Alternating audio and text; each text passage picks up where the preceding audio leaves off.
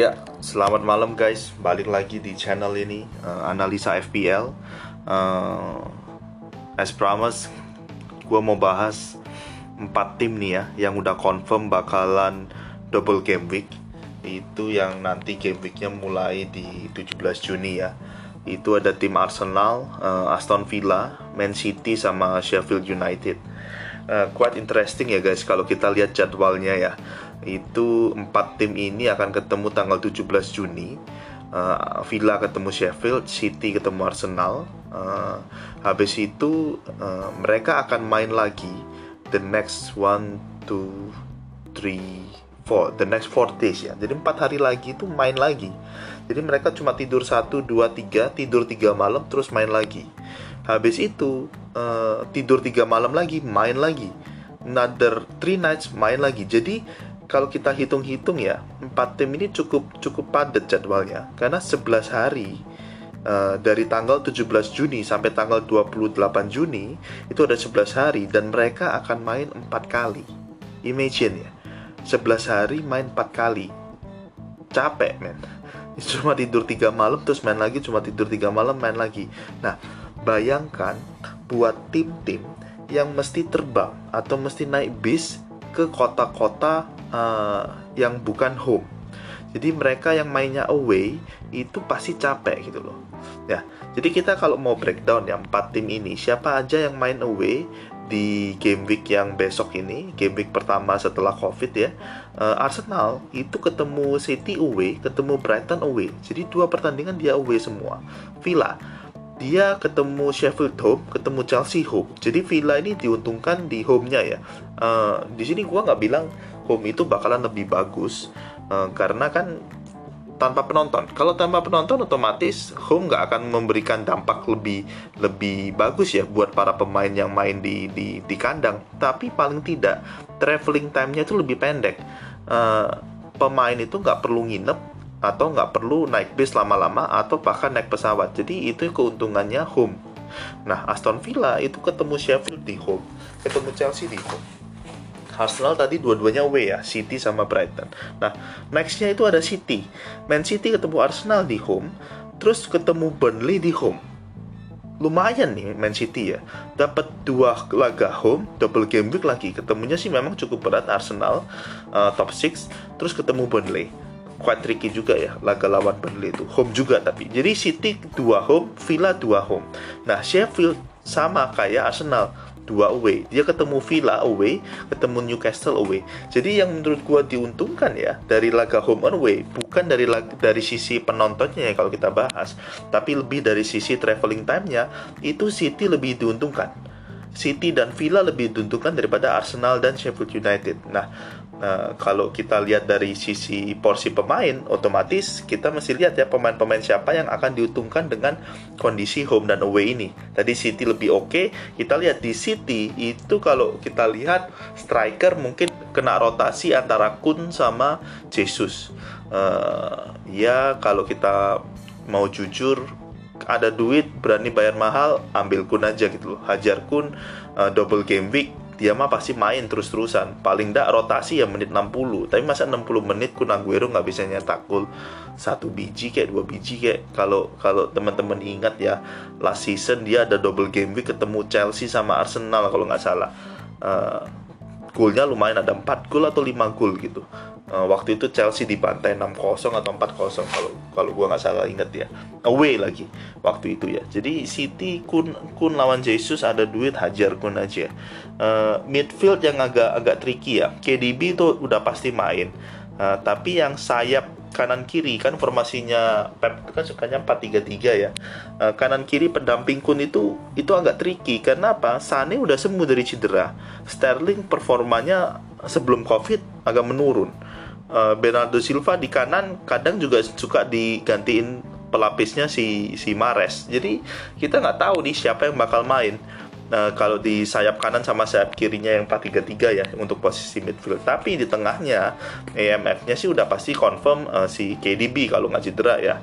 Uh, apalagi di sini kan City ketinggalan ya uh, siapa tahu Liverpool dua dua laga ini kepleset otomatis City pengen nih ngejar ketertinggalan. Jadi mereka tetap mau press forward untuk untuk tetap uh, jadi jadi juara atau bahkan tetap maintain di juara dua. Otomatis dia akan full team uh, KDB pasti akan main kecuali ada update ya last minute dari Pep. Uh, David Silva otomatis di kiri. Kalau kecapean mungkin ada ada si Foden. David Silva sih uh, hopefully ini season terakhir dia. Kita nggak tahu uh, bakalan jadi beneran jadi season terakhir apa enggak uh, kalau memang jadi season terakhir sih otomatis di laga-laga home itu harusnya ada ada Silva ya. Uh, Silva pasti pasti dimainin. Jadi in terms of midfield quite quite tricky. Nah, yang pasti main ada KDB, yang yang lainnya agak-agak uh, uh, ada resiko rotasi ya. Uh, depan sih probably gue berani jamin uh, Kun Kun bakal main uh, defense belakang Laporte udah sembuh, uh, Mendy bisa main juga, di kanan masih ada Kyle Walker kalau ada duit, uh, jadi uh, main aman sih ambil Laporte aja kalau memang memang ada duit. Tapi lihat lihat news apakah benar-benar sudah fit atau belum si si Laporte. Jadi City ketemu Arsenal di home, ketemu Burnley di home. Uh, gua nggak bilang laga lawan Arsenal bakal mudah ya, tapi uh, City being City uh, I don't know. Ini laga pertama uh, Pep ketemu Arteta. Jadi bener-bener diadu. Uh, kita lihat bakal seru sih bakal seru. Tapi kita lihat apakah Arteta bisa ngalahkan gurunya gitu kan. Uh, tapi again double game week home sama-sama City no brainer sih. Must have must have ya uh, kalau untuk yang suka double game week bisa pakai free hit bisa pakai uh, wildcard uh, lalu yang kedua gua bahas Villa. Villa ketemu Sheffield United di home. Terus habis itu ketemu Chelsea di home. Villa pemain ya yang paling maks masuk akal mungkin cuma Grealish ya. 65 64 uh, uh, main mesti mesti apa namanya masih serius soalnya akhir musim bisa jadi uh, dia dijual dan dia kepengen kasih pembuktian bahwa hey I'm Grealish I'm playing good uh, you should buy me. Uh, bisa MU bisa beli dia atau klub-klub yang lain di England yang bisa beli dia atau bahkan Leicester kalau kehilangan Madison bisa beli Grealish gitu kan. Jadi Grealish ada ada interest untuk tetap main cantik dan dia juga jadi jadi uh, apa namanya jadi panduan untuk uh, kapten untuk Villa otomatis dia dia akan uh, membuktikan leadershipnya kalau kalau di Villa ya. Uh, nextnya sebelum gua ke gua ke Sheffield dulu. Ada dua laga away ketemu Villa sama ketemu Newcastle.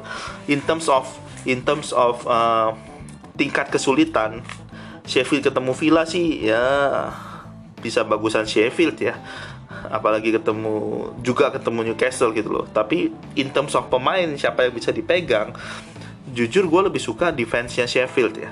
Uh, kipernya Henderson tuh cakep banget loh.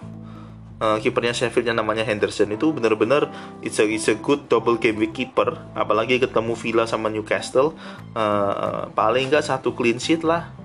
Uh, atau paling nggak bonus point uh, dari saving uh, save uh, total save-nya Uh, terus untuk defendernya gue jujur prefer Steven compare to Lundstrom. Gue punya Lundstrom, tapi uh, Lundstrom kan akhir-akhir ini nggak main. Uh, ya bisa jadi dia either kecapean atau memang ada pemain baru yang dibeli di bulan Januari itu memang lebih bagus dari dari Lundstrom. Makanya Lundstromnya sudah jarang dimainin.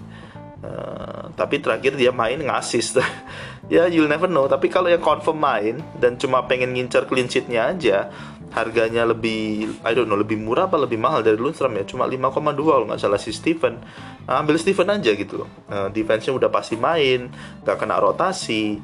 Kan karena kalau kita coba juga cuma pengen ngincar clean sheet I believe Henderson sama Steven sih masih ya untuk untuk defense buat mereka yang ngejar double game week uh, last club, last team itu ada Arsenal ketemu City away, Brighton away.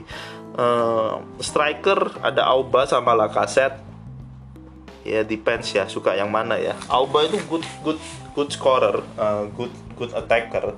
Tapi kadang kalau lawan tim-tim kecil dia malah nggak deliver. Tapi lawan tim-tim gede dia malah deliver. E, mungkin kita bisa pakai teori itu dan beli Auba malah sekarang karena ketemu City ya. Lalu yang yang e, pemain kedua yang kita bisa bisa andalkan itu mungkin PP PP itu uh, chances creatednya rame kayak Osil tapi mungkin lebih sedikit ya dari Osil chances created creation ya tapi secara quality of chancesnya itu better dan dan Osil jadi big chancesnya lebih lebih bagus daripada Osil apalagi PP ada di free kick ya kan dia kalau nggak salah dua kali deh golin golin di free kick terus uh, dia juga suka nendang compare to Osil yang uh, jarang suka nendang ke gawang. Kalau mau ngepun bisa ngepun Saka back kiri. Tapi nggak tahu ya ketemu City bakal main nggak nih si, si Saka karena kan masih muda, will never know gitu loh. Uh, musuhnya juga City uh, susah susah juga ya crossing crossing dari kiri itu kan berarti dia ketemu Kyle Walker di di City.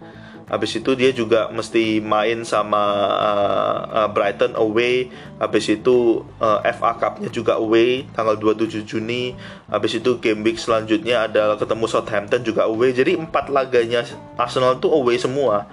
Uh, 11 hari main empat kali dan semuanya away. Uh, I don't think Arsenal is a good investment sekarang ya in terms of FPL. Uh, udah mahal, lawannya susah, mainnya away lagi. Jadi uh, itu sih untuk empat tim uh, sesuai janji uh, sebelum preview di preview yang pertama. Uh, nextnya mungkin kita ketemu di preview yang ketiga ya. Uh, kita coba bahas tim-tim mana lagi sih uh, selain keempat tim ini yang layak layak dibeli kalau teman-teman uh, kebetulan lagi pakai wildcard ya. Oke okay, I'll see you for the next uh, preview session. Bye salam analisa FPL